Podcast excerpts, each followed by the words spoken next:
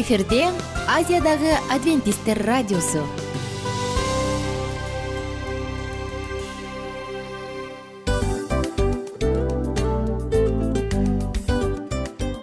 Достор салют.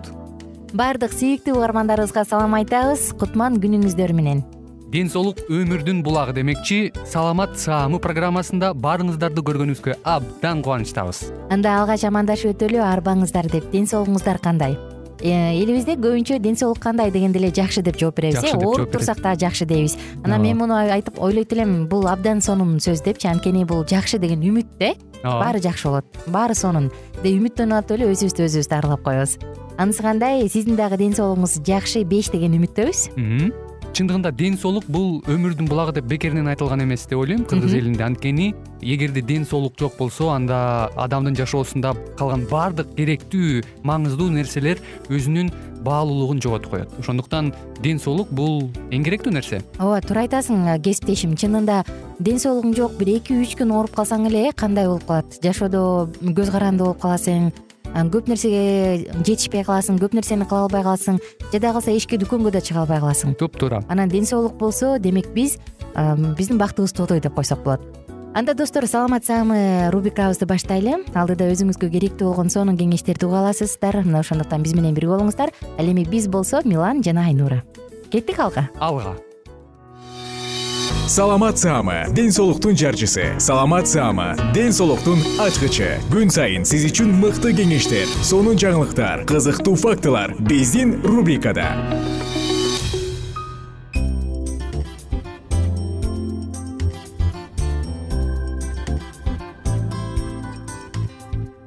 Амансызбы бурадарым салам достор. Жалпыңыздар менен биз саламат саама рубрикасын баштадык. Жана бүгүнкү темабыз курсакты кантип киргизиш керек кантип жалпак курсактуу болуш керек. Мына ушул жөнүндө сөз кылабыз. Курсак дегенде эле албетте ар бир адамдын өзүнүн курсагын же болбосо кыйналып тердеп жасап аткан көнүгүүлөрүн жеп жаткан тамагын эстейт болуш керек. Ал албетте бул туура. Мурунку уктуруулардын биринде эсиңиз бар эсиңизде болсо биз айтканбыз э мырзалардын киндик тараптан алганда курсагынын өлчөмү сексен жүз эки сантиметрден ашпашы керек деп ал эми аялдардыкы сексен сегиз сантиметрге жетпеши керек деп. Эгерде bunдан көбөйө баштаган болсо экинчи түрдөгү кант диабетине чалдыгуу коркунучу зор деп айтканбыз. Жүрөк кан тамыр ооруларына метаболисттик синдромго жана башка ушул сыяктуу ооруларга чалдыгуу коркунучунун алдында турат дегенбиз. Эмесе биз бүгүнкү темага кайталы. Э, негизи өзүңүз балким сиз жеке курсакты киргизиш үчүн кандайдыр бир ыкмаларды жасап көргөндүрсүз май эритем майды кетирем деп э, көп көнүгүүлөрдү жасап көргөндүрсүз. Мына дал ушул сиздин аракетиңизге дагы эффективдүү аракеттерди кошолу деп турабыз. Анда биз менен бирге болуңуздар. Эң эле биринчи кезекте сиз тамак жеп жатканыңызда баардык учурда калорийлерди азыраак жегенге аракет кылыңыз. Аз калориялуу тамак жегенге аракет кылыңыз. Өзгөчө мында ак кумшекер тамактабы таттуудабы баардык түрүндө же чайга салып ичесизби ак кумшекерди болушунча аз жегенге аракет кылыңыз. Ошондой эле достор өсүмдүк клетчаткасыны бир аз гана же таптакыр жок болгондой кылып тамактаныңыз. Бул пирожный печенье балмуздак жана башка чакмакташылган азык түлүктөрдү болушунча аз колдонгонго жегенге аракет кылыңыз. Жана ошондой эле сиздин тамагыңызда күнүмдүк рационуңузда малдын майлары барбы жокпу? Ага да көңүл буруңуз. Малдын майларынан баш тартуу кажет. Мында майлуу эт колбаса сосиска дегендер бар э? Май сыр мына булар дагы өтө эле зыяндуу. Жана албетте куурулган тамак. Куурулган тамакты дагы болушунча аз колдонгонго аракет кылыңыз негизи эле курсакты киргизиш үчүн адам өзүнүн келбетин түз боюн дене боюн түз кармашы керек. Мына ошондо эгерде ийиндерди артка калтырып түздөп башты бир аз жогору көтөрө турган болсок анда бир топ биздин курсагыбыз кире түшөт э. Кантип кантип биздин ийиндерибиз бош жана артты көздөй тартылышы керек? Арка белибиз түз бойдон болушу керек жана түш алдыны көздөй созулуп турушу шарт. Бул учурда биз денебиздин келбеттүү болуп жана жалпак курсактуу болушуна шарт түзүп алабыз. Таң калышыңыз мүмкүн бирок кийинкиси ич катууну алдын алыңыз. Эгерде өзгөчө сизде ич катуу коркунучу бар болсо бул нерседен качканга аракет кылыңыз. Анткени ич катып аткан учурда ич көбөйт э? Ич көбөйт газ көбөйөт адам туалетке чоң бара албай калат кыйналат. Мына булардын баардыгы тең биздин курсактын чыгышын шарттайт экен. Ал үчүн сиз өсүмдүк клетчаткаларына бай азыктарды жеңиз. Бул бүтүн дан азыктары мөмө жашылчалар булардын баардыгын чийки бойдон жегениңиз жакшы. Жана дене көнүгүүлөрүн жасаңыз бул нерсе албетте ичтин катуусун алдын алат. Кийинки кезекте ашыкча газдын пайда болушунан качыңыз. Колдон келишинче аракет кылыңыз. Ал үчүн сиз ар кандай экстракт же дары чөптөрдүн тундурмасын ичиңиз мүмкүн? Аниса ичерсиз же ушул сыяктуу дарыларды ичиңиз. Тамактанып жатканыңызда шашпай шашпай чайнаңыз майдалап чайнаңыз. Жана тамактанаар алдында активдешилген көмүртегин ичип коюңуз активированный уголь деп коебуз э? Дал ушул активдешилген көмүрдү ичип коюңуз. Бир же эки таблетка. Сизге жардам берет. Кийинки кезекте айта турчубуз бул суюктуктун топтолушун алдын алыңыз караңызчы маани бербеген менен бирок булардын баардыгы тең абдан зор. Биздин курсак тарабыбызда бир гана май эмес суюктук дагы топтоло берет өзгөчө адам туура эмес тамактанганда же кайсы бир аялдарынын аял затынын гормондору бөйрөк туура иштебесе жүрөк же боор булардын баардыгында тең бир аз кыйынчылык жаралган болсо анда адамдын дал ушул айта турган айтып турган нерселери чоң көйгөйлөрдү жаратат ошондуктан болушунча сизде суюктук сакталбасын десеңиз аракет көрүңүз. Анда эмне кылыш керек? Тамактар тамак ашыңызда суу туз аз болсун же таптакыр тузду жебей коюңуз жана ошондой эле заара кубалоочу э, тундурмаларды экстракттарды ичиңиз. Бул дагы сизге жардам берет. Березанын жалбырагын ичсеңиз болот ак кайыңдын ошондой эле достор эске салчу бул стресс. Стресс деген кандай гана коркунучтуу нерсе. Өнөкөтпү же регулярдуу стресспи булардын баардыгы тең курсак тараптан майдын пайда болушунун шарттары далилденген. Өзгөчө кортизол гормону э адамда майды абдан топтойт эмеспи. Ошондуктан стресс болуу учурунда көбүрөөк кыймылдаганга өзүңүздү таштабай колго алып өзүңүзгө ишеним көрсөткөнгө аракет кылыңыз. Стресс учурунда көпчүлүк адамдар тамактан күчүн чыгарат дагы анан аз кыймылдап калышат. Бул туура эмес. Жана алкоголдук ичимдиктер акыркысы. Алкоголдук ичимдиктерди таптакыр ичпей эле койгонуңуз жакшы же колдон келишинче жокко жеткире тургандай азайтыңыз. Бул дагы адамдын курсагын чыгарып адамга чоң көйгөйлөрдү алып келүүчү бир учур таттуулар торт шоколад ак нан фаст фуд майлуу куурулган ышталган тамак аштар майонез көп кошулган жана колбасалар. Мына булардын баардыгы тең майды топтоого жөндөмдүү газдалган таттуу суусундуктардан баш тартыңыз. Ии азыр кээде карап отуруп э, бир литрден кола пепси ичкен адамдарды көрүп жаман жүрөгүң ооруйт да. Мына буларды ичпей эле коюңуз. Анын ордуна күнүнө таптаза суудан экиден эки жарым литрге чейин ичиңиз. Бул сиздин ден соолугуңузга кам көрүп тескерисинче жардам берет. Аркаңыз жарым тоголок абалда болуп белиңиз толук бүгүлбөшү керек. Өзүңүздүн көңүл буруучу маанилүү эрежелерди айталы өзүңүздүн келбетиңизге көңүл буруңуз эринбей көп жолу көнүгүүлөрдү жасаңыз. Туруп алып туруп бүт болгон дене боюңуз түз сакталгандай кылып түз туруп аракет кылыңыз. Мына булардын баардыгы тең сиздин белиңиздин ичке болушуна жардам берет. Жана албетте атайын мурунку уктурубузда айтканбыз кандай көнүгүүлөрдү жасаса болот курсакты киргизүү үчүн аларды дагы кайталап жасап өтсөңүз болот.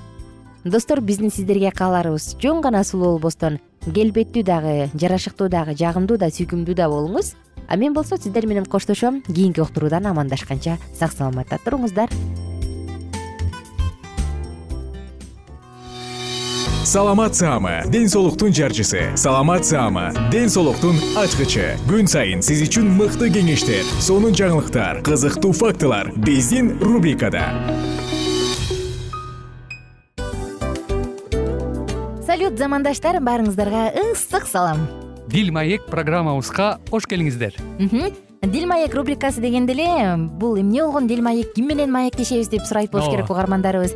Бул рубриканы кыскача тааныштыра кетип турган болсок ар тарап кесип ээлеринен болгон сонун интервью кеңештер бар ооба. жылдыздар менен болгон маек бар аталарыбыздын агаларыбыздын чоң аталарыбыздан сонун кеңештер бар ошондой эле эже сиңдилердин кеңештери бар. Айтор баардык кызыктардын баары алдыда негизи эле адам баласы бир кимдир бирөөнө ишенип сырын ачкысы келет эмеспи э мындай баарлашууга жакын келебиз го. Албетте.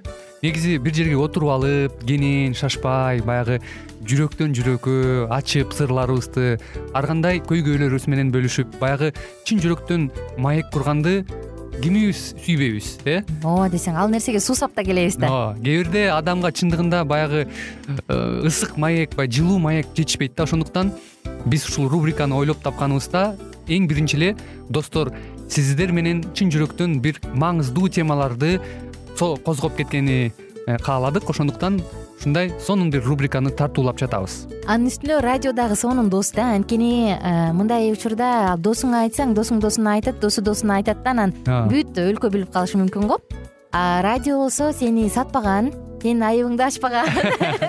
Сенин сырыңды эч кимге айтпаган сонун дос ошондуктан биздин алдыдагы айта турган кеңештерибизди биздин досторубуздун кеңештерин угуп анан ал жака пикириңизди дагы калтырып кайрадан биз менен байланышсаңыздар болот. Деги эле жашооңузга эгерде кичине болсо дагы өзгөрүү алып моралдык жактан нравовик жактан сонун бир кеңештерди алсаңыз демек биз максатыбызга жеттик. Ооба чыңгыз атабыз улуу жазуучу э, чыңгыз айтматов айткандай адам болуу бул күнүмдүк процесс экен.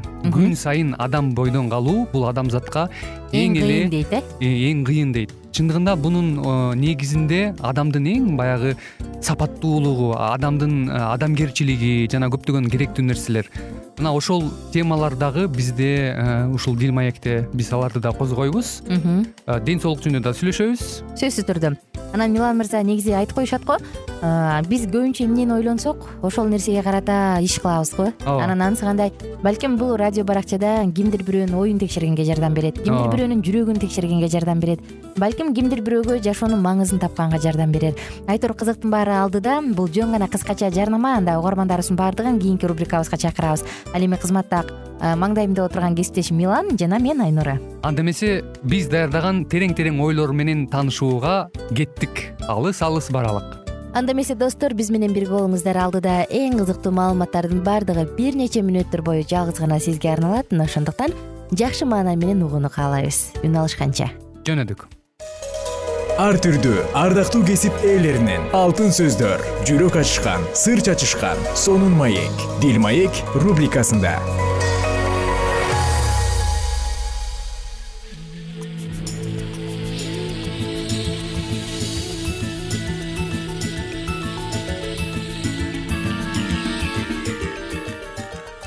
ассалому алейкум кымбаттуу угармандар. Кайрадан эле биз сиздер менен бактылуу никенин баалуу эрежелери аттуу уктуруубузду баштайбыз. Бүгүнкү программабыздын чыгарылышында биз дал ушул үй бүлө багытына арналган э, берүүбүздү улантабыз. Тактап айтсак бүгүнкү программабыздын темасы эркектер менен аялдардын психологиялык жактан айырмачылыктары туурасында сөз кылмакчыбыз.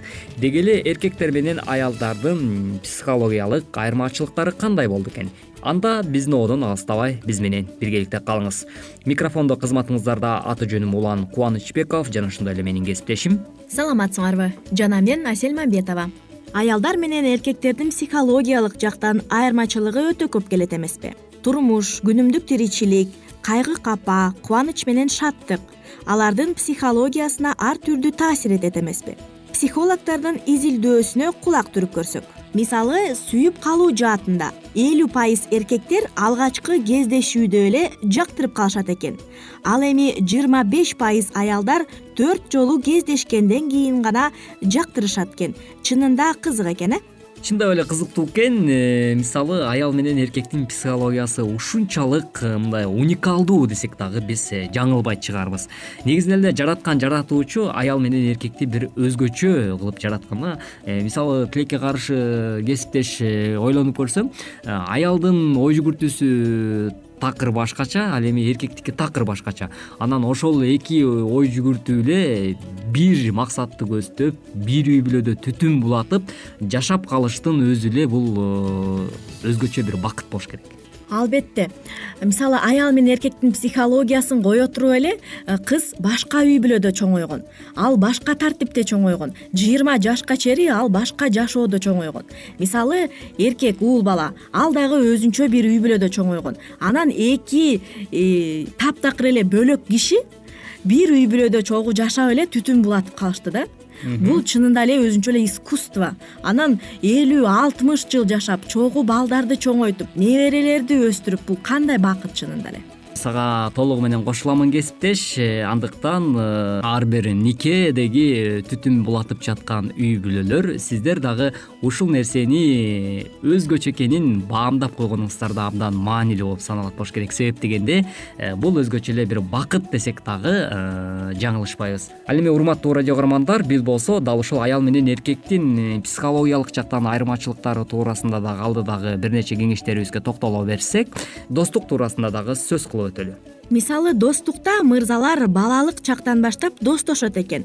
Ал эми айымдар болсо орто жаштан ашкандан кийин гана дос күтөт экен. Балким ошон үчүн да айымдар арасында достук бекем эместир ким билет мүмкүн мүмкүн болушу мүмкүн. Буга дагы кошулгум келет. Негизинен эле мырзалар табиятынан эркектер мындай достукка өтө жакын келет эмеспизби баягы алгач эле э, мектепке кадам таштагандан баштап эле эркек балдар э, көбүрөөк дос күткөнгө аракет кылып баштайт да. Э, мисалы бул менин досум бул менен мен ойноп атам деп анан биз кичинекей кезибизде мектепте окуп жүргөндө классташыбыз менен мындай пландарды коюп биз кийин чоңойгондо чоң киши болгондо Э, үйлөнгөндө турмуш курганда э, чогуу катышабыз э, кандайдыр бир иш чараларды чогуу өткөрүп турабыз бир жерде чогуу кызматташ болобуз деген сыяктуу дагы пландарды мисалы эркек балдар коюп баштайт да. Айымдарда кандай экенин мен билбейм тескерисинче сенден сурайын деп турам кесиптеш. Негизи эле айымдар достук жаатында кандай мисалы күйөөгө тиелек чакта достошуу бул аябай оңой болот да. Андан кийин үй бүлө кургандан баштап өзүңдүн үй бүлөң бар. Мисалы эч жака чыга албайсың дейли. Чыксаң дагы онго чейин же он бирге чейин бир убакыт талап кылынат буга дагы. Андан кийин балдар төрөлөт. Балдар төрөлгөндөн кийин таптакыр чыга албайсың эч жака андан кийин эки адам мисалы эки жакта жашап калат эки курбу. Э, достукта дайыма жолугуп туруш керек дайыма э, сыр бөлүшүп убакыт өткөрүш керек. Бул нерсеге э, айымдардын убактысы жок болгондуктан мисалы үчүн балким ошон үчүн дагы көп достошпойт чыгар. Э, урматтуу мырзалар жана айымдар жана ошондой эле сүйүктүү радио каармандарыбыз э, достук туурасында дагы мына ушундай эркек менен аялдын ортосунда бир аз айырмачылыктар жана ушундай көрүнүштөр бар экенин дагы ар бирибиз баамдап жатсак керек. Мындан сырткары дагы алдыда кандай кеңештер бар деп турган болсоңуз никеден кийинки турмуш туурасында дагы сүйлөшүп өтөлү никеси бар мырзалардын турмуш тиричиликтин бактылуу сезими бойдок жигиттерге караганда эки эсе жогору болот экен. Ал эми айымдар көбүнчө кыз кезинде өздөрүн бактылуу сезишет экен. Буга кандай карайсың ооба чындап эле баягы айымдар айрыкча турмуш кура электе ой кыялдар менен сезимдер менен э, кандайдыр бир келечекте мындай айымдар негизи эле табиятынан өзүлөрү назик жан келгендиктен романтикага көбүрөөк басым жасайт эмеспи. Мисалы кээде кээ бир айымдар балким жашоону дагы мен турмуш курганда мен элестеткендей романтикалуу өтөт деп бир ойлошу мүмкүн. Бирок тилекке каршы беш кол тең эмес дегендей турмуш курган соң анын үмүтү дагы э, таш кабып балким аткарылбай калышы дагы ыктымал э, ошондон улам дагы мисалы турмуш кургандан кийин э, күтүүлөрү орундалбагандыктан өзүн бактысыз сезип калышы дагы мүмкүн туура ошон үчүн воздушные замки деп коет го орустар ушул нерселерди курбай мындай реалдуу карап анан реалдуу адамга турмушка чыксаң жашооң дагы мындай реалдуу болот да сенин күтүүлөрүң дагы мындай асманда эмес жерде кандай болсо ошондой кабыл алсаң балким мындай нерселер болмок эмес да албетте ардактуу угармандарыбыз чындап эле э, биз бүгүнкү учурда үйлөнсөк дагы үйлөнө элек болсок дагы баардыгыңыздарга замандаштар э, кулаңыздарга күмүш сырга катары айтып өткүбүз келет. Турмуш чындап эле бул өзү бизге сабак эмеспи андыктан ошол турмушта туура сабак алып өткөнүбүз абдан маанилүү экен. Андыктан э, жогоруда кесиптешим айтып өткөндөй эле бул жашоо эч убакта оюнчук эмес. Э, ошондуктан сиздердин никеңиздердин бекем болушун каалаган бул бактылуу никенин баалоо эрежелери аттуу берүүбүз дагы ушуну менен өз соңуна келип жетип калды. Уктуруубузга назар салганыңыздар үчүн ыраазычылык билгизебиз. Кайрадан эле биз сиздер менен дал ушул ободон үн алышканча сак саламатта туруңуз ар түрдүү ардактуу кесип ээлеринен. Алтын сөздөр жүрөк ачышкан сыр чачышкан сонун маек. Дил маек рубрикасында.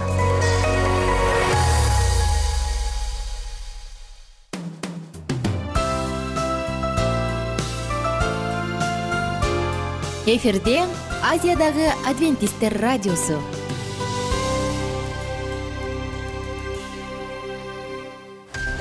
жан дүйнөңдү байыткан жүрөгүңдү азыктанткан жашооңо маңыз тартуулаган жан азык рубрикасы.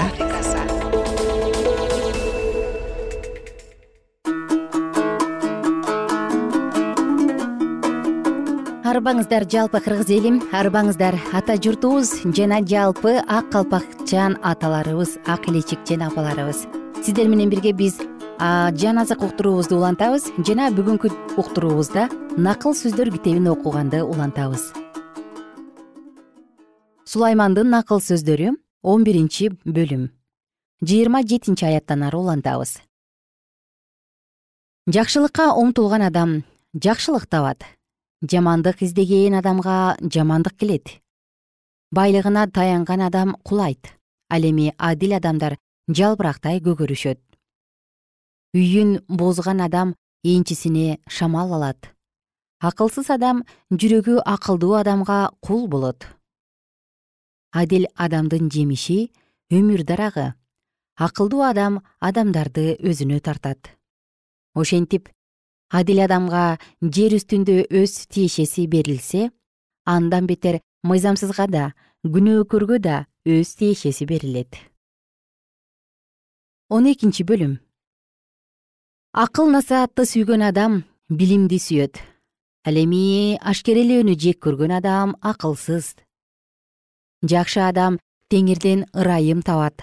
Ал эми жаман ойлуу адамды теңир жазалайт. Адам өзүн мыйзамсыздык менен бекемдей албайт. Ал эми адил адамдын тамыры ордунан козголбойт. Жакшы аял күйөөсүнүн таажысы ал эми абийирсиз аял сөөктөгү ириң. Адил адамдардын ойлогону акыйкаттык ал эми мыйзамсыздардын ойлогону жамандык. Мыйзамсыздардын тили кан төгүү үчүн куюлган буктурма ал эми адил адамдарды өздөрүнүн оозу куткарат мыйзамсыздар кырсык басаары менен жок болушат ал эми адил адамдардын үйү тура берет. Адамды акылына жараша макташат ал эми жүрөгү бузук адам жек көрүндү болот. Нанга муктаж болуп туруп өзүн көрүнүктүү адам кылып көрсөткөнгө караганда өзү үчүн эмгектенген жөнөкөй адам артык. Адил адам малы үчүн да кам көрөт. Мыйзамсыздар адамдар болсо таш боор. Өз жерин иштеткен адам нанга тоет ал эми бекерчиликти сүйгөндөрдү туураган адам кем акыл мыйзамсыз адам адил адамды жамандыктын торуна түшүргүсү келет. Бирок адил адамдын тамыры бекем болот. Мыйзамсыз адам өз оозунун күнөөлөрү менен торго түшөт. Ал эми адил адам жамандыктан кутулат.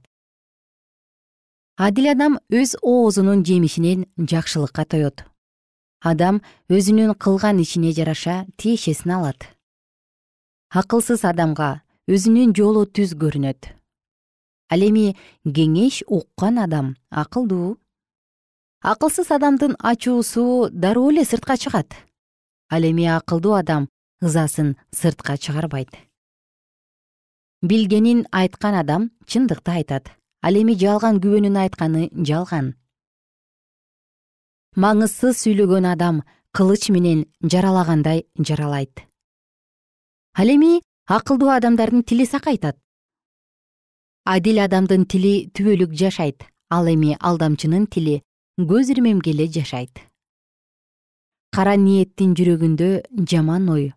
Тынчтык орнотуучулардын жүрөгүндө кубаныч.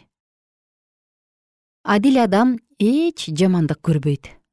Мыйзамсыздар болсо көп жамандык көрүшөт. Жалган сүйлөгөн тил теңирдин алдында жийиркеничтүү ал эми чындыкты сүйлөгөндөр ага жагат акыл эстүү адам билимин жашырат. Ал эми акылсыздын акылсыздыгын өзүнүн жүрөгү көрсөтүп турат. Аракетчилдердин колу башкарат. Ал эми жалкоонун колу салык төлөйт. Жүрөгүндөгү санаа адамдын көңүлүн чөктүрөт. Ал эми жылуу сууз аны кубантат адил адам жакынына жол көрсөтөт. Ал эми мыйзамсыздын жолу аларды адаштырат. Жалкоо адам өзүнүн ил бээсинен бышырып жегенден эринет. Ал эми аракетчил адамдын мүлкү баалуу. Чындыктын жолунда өмүр бар анын жолунда өлүм жок. Сулаймандын акыл сөздөрү он үчүнчү бөлүм. Акылдуу уул атасынын акыл насаатын угат. Ал эми ээ жаа бербеген уул айыбын ачкандарды укпайт. Адам өз оозунун жемишинен жакшылык көрөт. Ал эми мыйзамды бузгандардын жаны жамандык көрөт. Тилин тыйган адам жанын сактайт. Ал эми оозун чоң ачкан адам кыйынчылыкка дуушар болот. Жалкоо эңсейт бирок эңсегени бекер ал эми аракетчил адамдар тоюшат.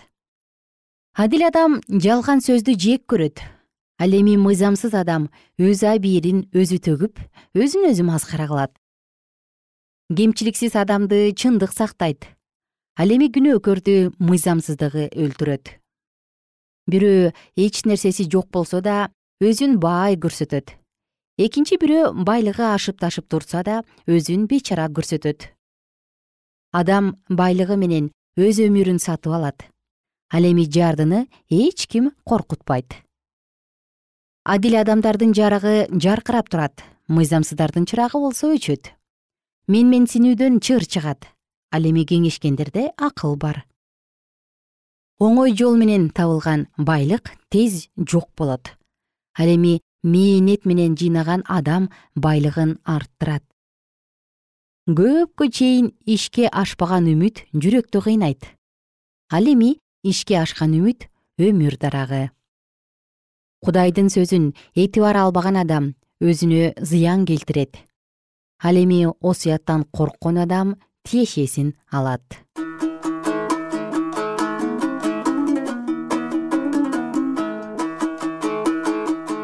кымбаттуу достор мына сиздер менен бүгүн дагы сулаймандын накыл сөздөрүнөн чындыгында эң баалуу алтындан да кымбат болгон сонун насааттарды окуп өттүк. Жалпыңыздарга кааларым көңүлдүү күн ар бир жүрөк ар бир сөз сиздин жүрөгүңүздүн тереңинен түнөк алып калса экен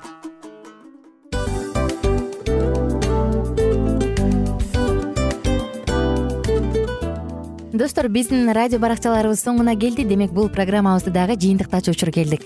Учурга келдик. Анан кесиптешимден сурагым келип турат. Негизи эле иштин башталып атканы кубандырабы сени же жыйынтыгы кубандырабы албетте жыйынтыгы. Себеп дегенде сен кылган ишиңдин жыйынтыгын көрүп э, баягы мөмөсүн көрүп дегендей жыргайсың жүрөгүң жемишинен татып э? Кандай даамдуу деп. Баягы буудай сепкенде эмес буудай эгинди жыйнагандан кийин ысык нанды жегенде кадимкидей ырахаттанасың го. Ой айтпа туура айта кеттиңиз. Сонун салыштыруу болду анан мен дагы абдан кубанып турам. Анткени биз угармандарыбыз үчүн аябай эмгектенип келген уктуруубуздун соңуна келип калдык анан эми э, уктуруубуздун соңунда угармандар кандай пайда алып калды экен деп күтүп турам да. Балким э, менин жашоомо өзгөрүү киргизе турган сонун сөздөр болду. Мен ушул нерсени изилдеп анан кабыл албасам ушул нерсени кылбасам деген чечим чыгарсаңыз анда биз абдан кубанычтабыз. Сөзсүз түрдө.